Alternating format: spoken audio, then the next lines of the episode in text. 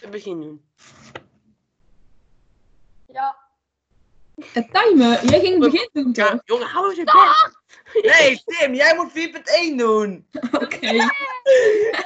Het Frankische Rijk. In 800 reisde de Frankische koning Karel de Grote van Duitsland naar Rome. Op kerstavond ging hij naar, naar de kerk van de paus. Toen Karel in de kerk was, zette de paus hem een gouden kroon op het hoofd en kroonde hem tot keizer. Hiermee liet de paus zien dat hij Karel zag zijn opvolger van de Romeinse keizer. En het Frankische Rijk als opvolger van, van het West-Romeinse Rijk. De Franken waren een Germaans volk dat na de ondergang van, de West, van het West-Romeinse Rijk een koninkrijk had gesticht in België en Frankrijk. In de daaropvolgende, in de daaropvolgende eeuwen hadden Frankische koningen hun, rijk steeds verder uitgebreid. Karel de Grote was de machtigste koning, de machtigste Frankische koning. Met zijn leger veroverde, hij een groot gebied. Toen Karel in 1814 stierf, bestond het Frankische Rijk uit een groot deel van Europa. Het bestuur van het enorme Frankische Rijk was niet eenvoudig. Van de oude Romeinse wegen was weinig over en de steden uit de Romeinse tijd waren grotendeels verdwenen. Door de slechte verbindingen en de lange afstanden tussen de delen van het Rijk was het moeilijk om politieke zaken te regelen. Daarom reisde Karel de Grote zelf rond. Op die manier liet hij ook zijn gezag zien. Op verschillende plaatsen liet Karel paleizen bouwen, zoals in Aken. Karel bestuurde zijn rijk met hulp van hertogen en graven. Dit waren hoge edelen, aanzienlijke personen met voorrechten in de samenleving. Ze waren door Karel benoemd om een gebied te besturen, een hertogdom of een graafschap. Als een hertog of graaf werd benoemd, knielde hij voor Karel, stak zijn handen tussen die van de koning en beloofde een trouwe dienaar te zijn. Vanaf dat moment was de hertog een graaf, een leenman van, van de koning.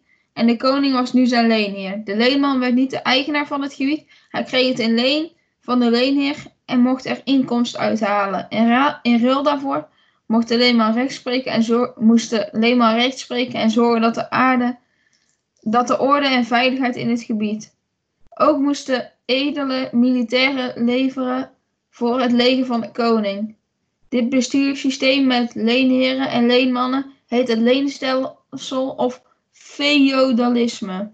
Voor verdeligheid en onveiligheid. Onder de krachtige Karel was het Frankische Rijk een politieke eenheid, maar na zijn dood in 1814 kwamen zwakke koningen aan de macht. Hierdoor veranderde de verhouding tussen leenheren en leenmannen. De hertogen en graven behandelden hun gebied steeds meer als hun eigen bezit, waarover ze zelfstandig heersten. Zwakke koningen stonden toe dat de macht van edelen over een gebied bij, bij hun dood automatisch overging op hun zo zonen. Zo werd de macht van edelen erfelijk. Het hoge, de hoge edelen gingen zelf ook leenmannen benoemen. Deze achterleenmannen waren trouw aan hun eigen leenheer en bestuurden namens hem een kleiner gebied. Zo raakte het Frankische Rijk steeds meer verdeeld en waren er veel, er veel meer conflicten tussen koningen. De hoge adel en lage adel. De politieke verdeeldheid veroorzaakte veel onveiligheid in Europa in de 9e en 10e eeuw. Een andere oorzaak van onveiligheid waren de invallen van de vikingen in de kunstgebieden.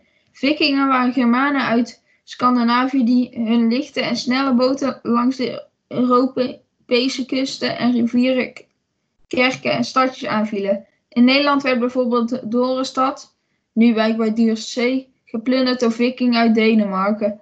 Edelen gingen kastelen bouwen om, zelf en het, om zichzelf en het volk in hun gebied te beschermen tegen rovers en vijanden. Zo'n kasteel was in het begin een houten gebouw met daaromheen een gracht en een omheining. Later werd het een stenen vestiging met dikke muren. Ridders. Edelen namen ook voedsoldaten en ridders in dienst om te zorgen voor orde en veiligheid in hun gebied. Ridders waren eerst soldaten uit de levens van edelen. In gevechten werden ridders beschermd door een helm en een malienkolder. Een hels van ijzeren ringetjes. Later droegen ze ook een harnas van metalen platen. In de ene hand hielden ze een schild en in de andere een lans of zwaard. De eerste ridders waren soldaten uit de legers van edelen, maar hun positie veranderde na de tijd van monniken en ridders. In het derde tijdvak, vanaf omstreeks 1100, konden namelijk edelen nog ridder worden. Van een edele werd toen ook ridderlijk gedrag verwacht. Hij moest moedig, trouw en rechtvaardig zijn. Vorst organiseerde ook toernooien waarin ridders zich konden bewijzen. Toen soldaten vuurwapens gingen gebruiken, verdwenen de ridders van het slagveld. Dit, dat gebeurde aan het einde van de middeleeuwen, de derde historische periode, 500 tot 1500.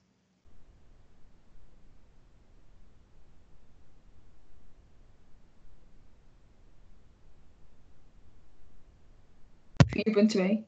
Moeten we nu een eh, applaus geven? of? Nee, de volgende moet Robin jij. ja, nee, dat snap ik ook wel.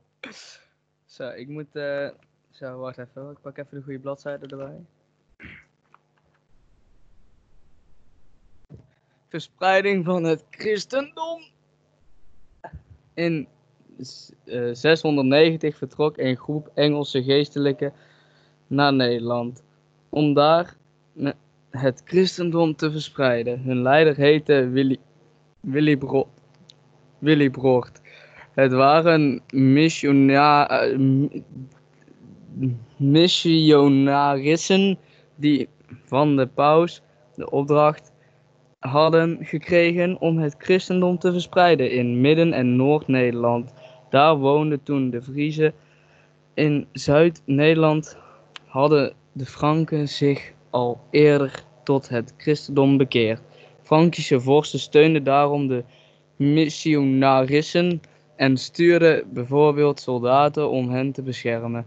Wi- Willy Brocht werkte vanuit Utrecht, waar hij een kerk liet bouwen met stenen uit Romeinse ruïnes. Ook op andere plaatsen liet hij kerken bouwen.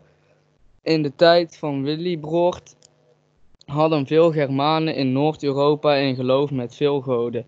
Ze geloofden bijvoorbeeld dat de god Donar tijdens een onweersbui de donder veroorzaakte met zijn hamer. De Germanen vereerden ook plekken in de natuur, zoals bomen en waterbronnen. Christenen vonden dat ze de- deze mensen niet het goede geloof hadden en noemden hen heidenen. Christelijk Europa. Missionarissen vertelden aan de heidenen dat ze na hun dood eeuwig pijn zouden lijden in de hel. Maar als ze in Jezus geloofden, kregen ze na hun dood een eeuwige beloning in de hemel. Om christen te worden, werden mensen gedoopt. Een geestelijke besprenkelde iemand dan met water als teken dat hun zonden werden afgewassen. Maar er was veel verzet tegen de verspreiding van het christendom. Germaanse volken zoals de Friezen en Saksen zagen de missionarissen als indringers, die de Franken hielpen om hen te onderwerpen.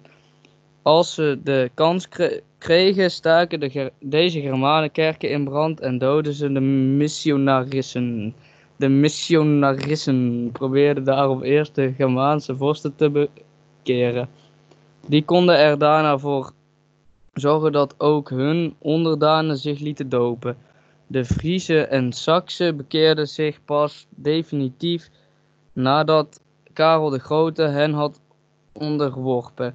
Na, Nederlandse en Duitse, na Nederland en Duitsland ging de uitbreiding van de, het christendom verder.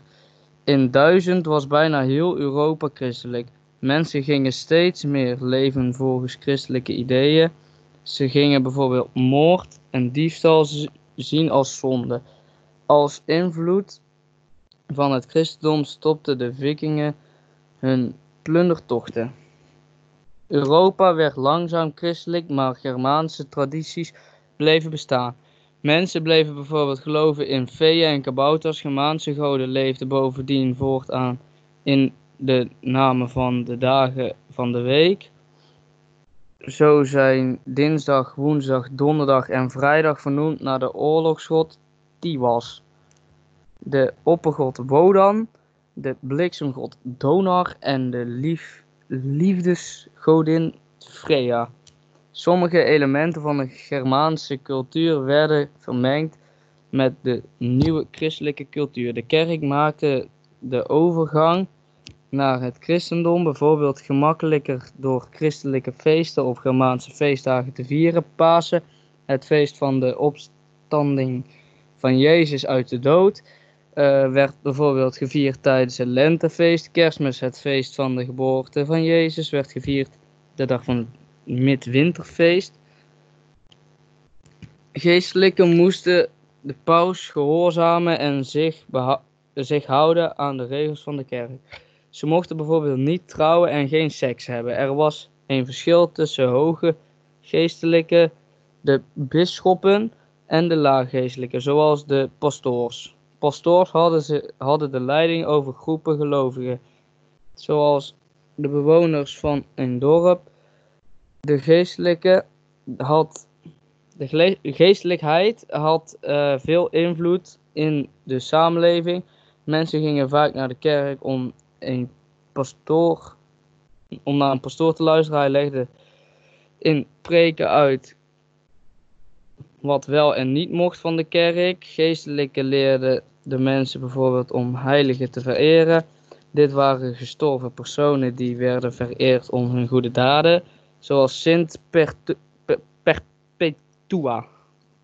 Volgens de kerk kon je een heilige in een gebed om hulp vragen, bijvoorbeeld bij een ziekte.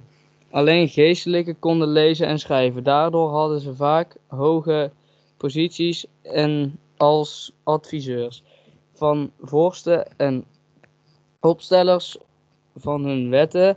Een speciale groep geestelijken waren de monniken. Zij leefden afgescheiden van de samenleving, meestal in een klooster. Er waren ook kloosters met vrouwen. Monniken moesten leven volgens bepaalde regels. Ze mochten geen bezit hebben en moesten gehoorzamen aan de ABT. Het hoofd van het klooster. Hun leven moest bestaan uit bidden en werken. De monnikenwerk bestond vaak uit het overschrijven van christelijke of klassieke teksten. Ze versierden die teksten met kleine afbeeldingen. Veel vorsten en edden steunden de kerk door het schenken van geld of grond of door het stichten van een klooster. In de 10e eeuw stichtte graaf Dirk I van Holland bijvoorbeeld de abdij van Egmond in Noord-Holland. Zijn oom gaf landbouwgrond aan het klooster.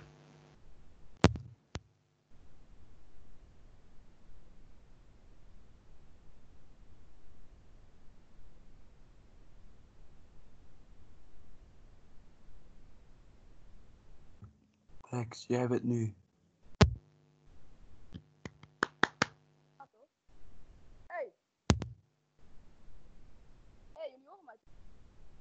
Lex, jij bent.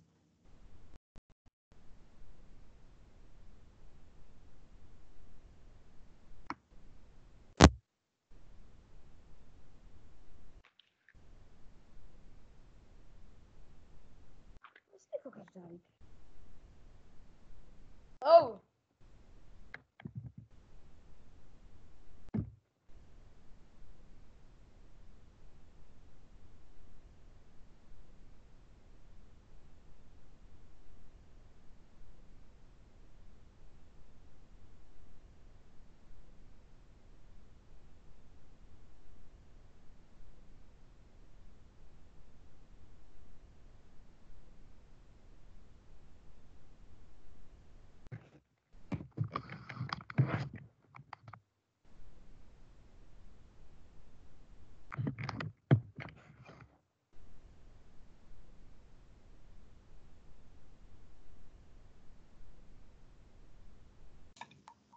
Fietsen, fietsen. Hallo.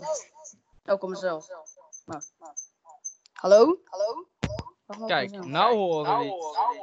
Ja, en ik hoor mezelf. Oké, Ja, ik ook. Doe eens helemaal snel. dubbel. dit is beter. Nou, begin maar. Hallo? Ja, Hoor je begin. mij? Oh, wacht, ik sta niet op luidspreker. Ja, doet hij het? Ja, Oké, mooi. Omstreeks 800 woonde de boer Bodo met zijn vrouw Ermentrude in- en hun drie kinderen op het terrein van een klooster in de buurt van Parijs. Voor het gebruik van zijn twee eenvoudige boerderij betaalde hij jaarlijks twee vaten wijn, 15 eieren en drie kippen aan het klooster. Sinds de Romeinse tijd was er een economie in de Europa veel veranderd. De landbouwstedelijke samenleving was verdwenen En er was eh, weer een landbouwsamenleving ontstaan. Maar de boeren zoals Bodo waren niet helemaal vrij. Een oorzaak hiervan waren de volksverhuizingen die tot onzekerheid en onveiligheid hadden geleid. Veel boeren hadden daarvoor onzekerheid en bescherming gezocht bij machtige heren. In ruil voor die bescherming hadden de boeren een deel van hun vrijheid verloren. Ze waren horigen genoemd. Halfvrije boeren die hoorden bij het gebied van de heer. Omstreeks 800 leefde een groot deel van de bevolking als horige op het gebied van edelen, edelman of een klooster. Hun gebied werd het domein genoemd. Op, het, eh, op het domein mochten horigen een stuk grond met hun huis gebruiken, maar ze mochten het, op het domein niet zonder toestemming verlaten. Deze onvrijheid van horigen wordt horigheid genoemd. Leven op het domein. Een belangrijk gebouw op het domein was het hof. Hier woonden de eigenaren en de renmeester, die het domein voor de eigenaar beheerden. Het economische systeem met horigen op het domein wordt daarom hofstelsel genoemd. Bij het hof stonden ook andere gebouwen, zoals een kerk, een molen, een bierbrouwerij en een voorraadschuren. Daarnaast was er een visvijver en grond voor akkerbouw en veeteelt. Op het domein werd alles geproduceerd wat de bewoners nodig hadden. Zij kwamen bijna nooit buiten op het domein. De horige boeren hadden veel plichten. Als belasting moesten ze een deel van hun oogst afstaan aan hun heer en een deel van, eh, en een deel van hun tijd onbetaald voor hen werken. De deze herendiensten bestonden bijvoorbeeld uit het werk op, de, op zijn akkers of hun hek repareren. De boerinnen moesten spinnen en weven. Drie sociale groepen. In eh 1200 of 1020 schreef, de, een Franse bisschop dat er drie soorten mensen waren: geestelijke, edele en boeren. Ze hadden elk, ze hadden elk een eigen taak. De eerste groep moest bidden, de tweede, de tweede moest strijden en de derde moest werken. Iemand iemands afkomst bepalen. Bobo was geboren, Bodo was geboren als boer en kon dus geen edelman worden. Soms ging een boerenzoon naar een kloosterschool en werd hij monnik of do- dorpspastoor. Hoge geestelijken zoals bisschoppen en abten kwamen altijd uit de groep van hoge edelen. De geestelijkheid en de adel vormden een elk aparte stand. Een groep met een vaste sociale positie. Ook, ook veel mensen in het verleden waren niet vrij en konden daarom alleen maar dromen van vrijheid. In de, in de tijd van Grieken en Romeinen was er een groot deel van de bevolking slaaf. In de tijd van monniken en ridders waren er nog wel slaven in Europa, maar de meeste mensen waren half vrij. Tegenwoordig hebben we grote vrijheid in Nederland. Maar dit betekent niet dat alles mag en kan. Hadden beide standen bepaald privileges, speciale rechten vooruit. Edelen en geestelijken hoefden bijvoorbeeld geen belasting te betalen. De edelen met grote gebieden vormden de hoge adel. Hun renmeesters en waren lage edelen. Deze heren van hun gebieden hadden rechten die heerlijke rechten werden genoemd. Een van deze heerlijke rechten was jachtrecht. Dit hield in dat alleen de edelen mochten jagen, ook als ze daarbij het land van de boeren vertrapten. De rechten van de heren gingen vaak samen met de plichten van horigen. Een domeinheer had bijvoorbeeld het molenrecht. Dat betekent dat boeren tegen hun betalingen en hun graan in de molen mochten laten malen. Naast het ja- jachtrecht en het molenrecht hadden edelen ook het recht om, een, om in een gebied recht te spreken. De bewoners van het gebied mochten zich daaraan ontwerpen. Door de heerlijke rechten werden edelen en geestelijken machtiger en rijker, terwijl de boeren machteloos en arm bleven. Weinig handel. In de tijd van monniken en ridders waren er weinig handel en waren weinig steden. In Nederland was Dorestad aan de Kromme Rijn de belangrijkste handelplaats. Het stadje bestond uit een lange straat waarvan houten huizen met aanlegstijgen stonden. Er woonden zo'n 2500 mensen. Eh, de meeste daaraan waren boer. Omstreeks eh, acht- 830 werden in Dorestad zilveren munten geslagen. Met een zeilboot en de naam Dorestatus. Handelaar uit Duitsland, Frankrijk, Engeland en Scandinavië brachten er wijn, aardewerk en zout, maar ook edelstenen, zwaarden en zelfs ivoor uit Afrika. 4.4 Ontstaan van de islam. Bijna alles was wat we over Mohammed weten is gebaseerd op, op verhalen die later door zijn aanhangers zijn opgeschreven. Volgens de verhalen van Mohammed, een Arabische, Arabische handelaar in de stad Mekka is in Arab, Arabië van tijd tot tijd ging hij naar een grot in de berg om na te denken. Daar werd hij in het jaar 610 plotseling van achter beetgekapt. Een stem zei verkondig.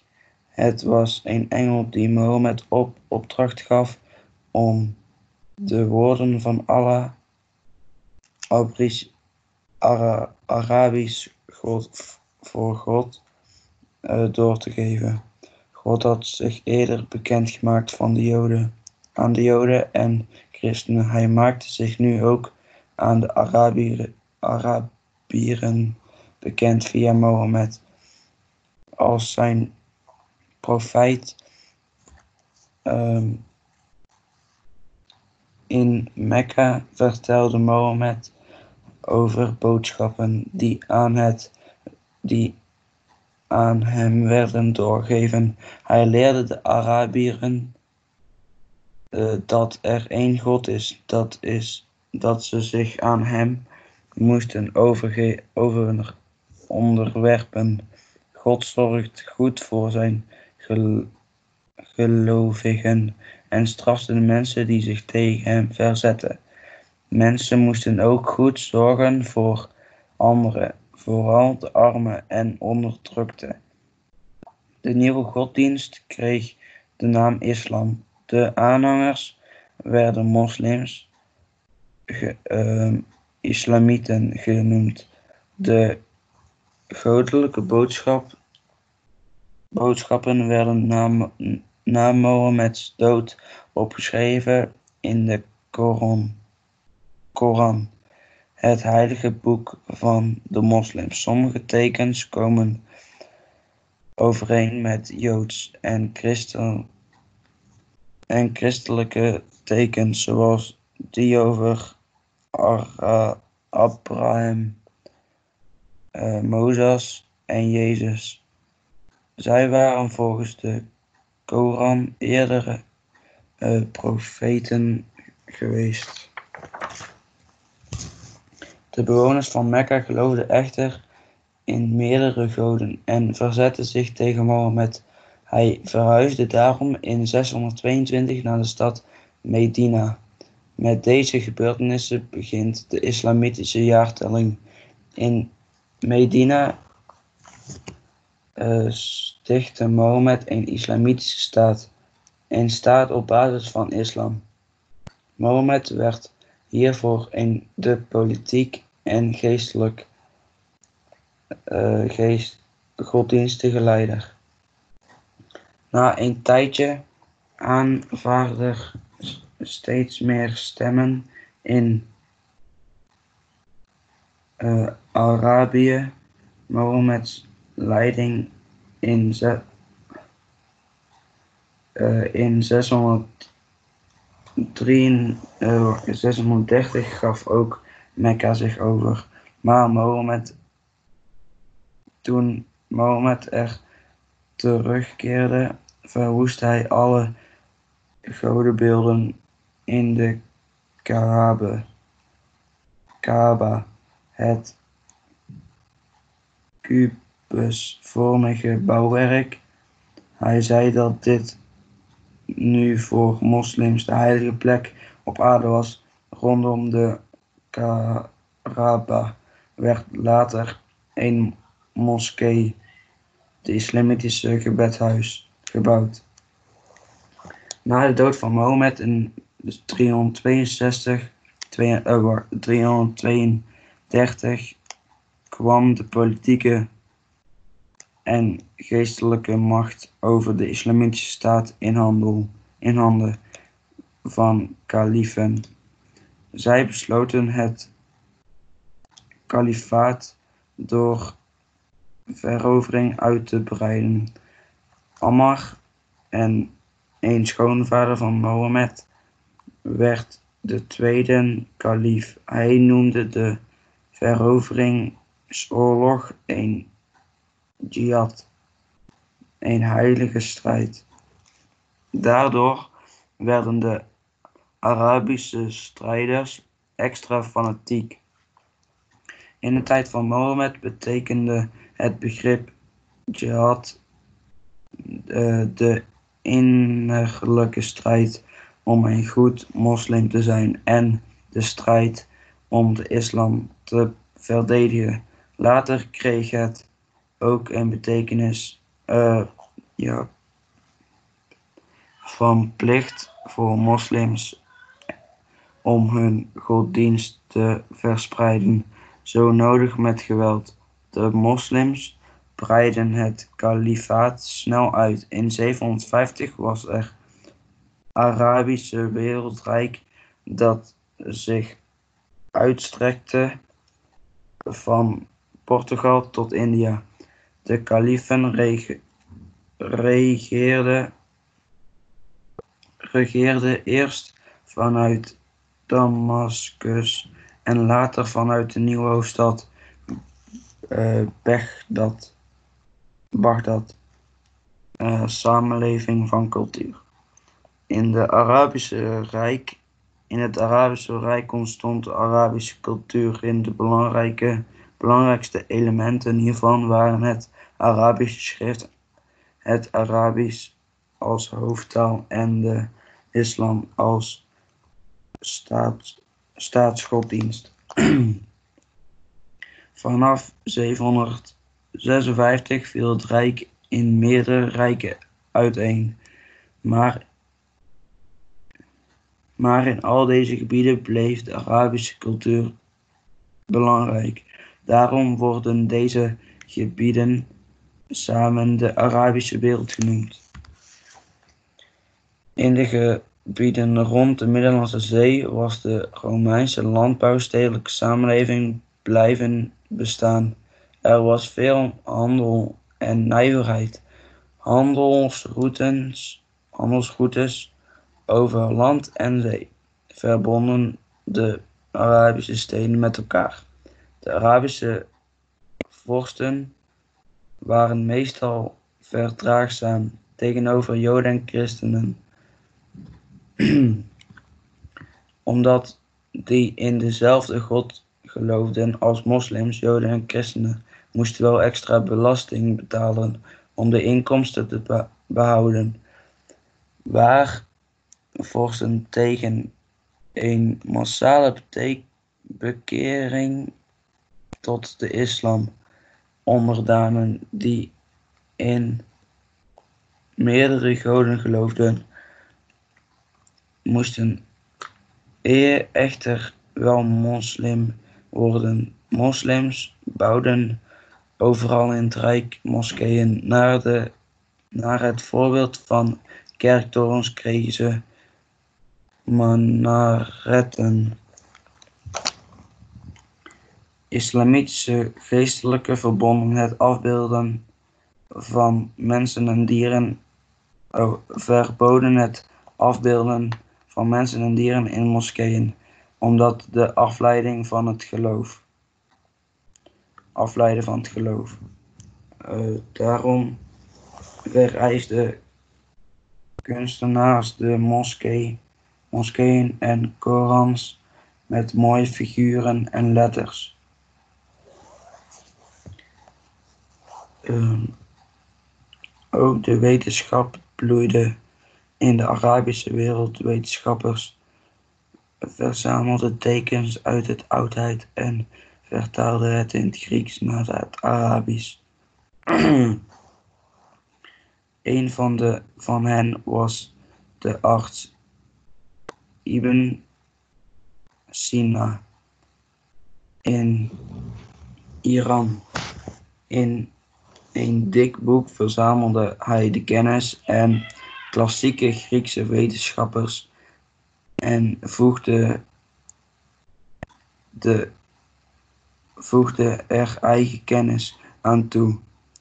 Door het werk van deze wetenschappers bleef veel kennis uit de oudheid bewaard. De begrippen van 4.1. Adel, een groep aanzienlijke personen met voorrechten in de samenleving. Erfelijk, als iets van ouders op kinderen af overgaat. Graaf, hoge edelman, bestuur van een graafschap. Hertog, hoge edelman, bestuurder van een hertogdom. Leenheer, vorst of hoge edelman die een gebied laat besturen door een leenman. Leenstelsel, bestuurssysteem met leenheren en leenmannen. Middeleeuwen, derde historische periode. Ridder, militaire te paard. Tijd van monniken herinners, derde tijdperk. 4.2. Abt, hoofd van een klooster. Bekeren, iemand een andere godsdienst aan laten nemen. Geestelijke, godsdienstig leider. Heilige, gestorven personen die vereerd wordt om zijn goede daden. Heidenen, iemand waarvan wordt gezegd dat hij niet het geloof, het goede geloof heeft. Klooster, woonplaats van monniken of nonnen. Mission, missionaris, iemand met de opdracht om het christendom te verspreiden. Monnik, geestelijke die afgescheiden van de samenleving leeft, meestal in een klooster. Pastoor, lage geestelijke die de leiding heeft over een groep gelovigen. Preek, godsdienstig uitleg. 4.3 Domein, gebied van edelman of klooster. Heerlijke, heerlijk recht, recht van de heer van een gebied. Herendienst, onbetaald werk voor een heer. Hoof, hof, woning van edelman. Hoogstelsel, een economisch systeem met horigen op domeinen. Horige, halfvrije boer. Horigheid, onvrijheid van horigen. Privilegie, speciaal recht, voorrecht. Rentmeester, iemand die voor de eigenaar een domein beheert. Stand, groep met een vaste sociale positie en speciale rechten. 4.4 Allah, Arabisch voor God. Arabische wereld, gebied met de Arabische cultuur, islam, godsdienst van moslims. Islam, islamitische jaartelling. De ja, die ja, jaartelling die begint bij 6, 622 Iyad. Een innerlijke strijd om een goed moslim te zijn en de strijd om de islam te verdedigen. 2. Plicht van de moslims om hun godsdienst te verspreiden, zo nodig met geweld. Kalif, opvolger van Mohammed, als politiek en geestelijke leider van moslims.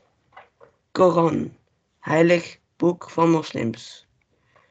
Kalifaat, Islamitisch Rijk. Moskee, Islamitisch gebedshuis. Profeet, boodschapper.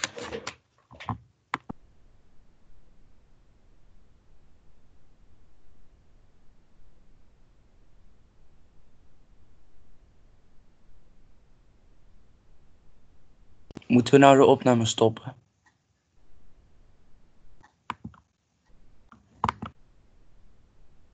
Moeten we niet eerst even een eh, applausje geven voor het werk wat die jongen heeft gedaan?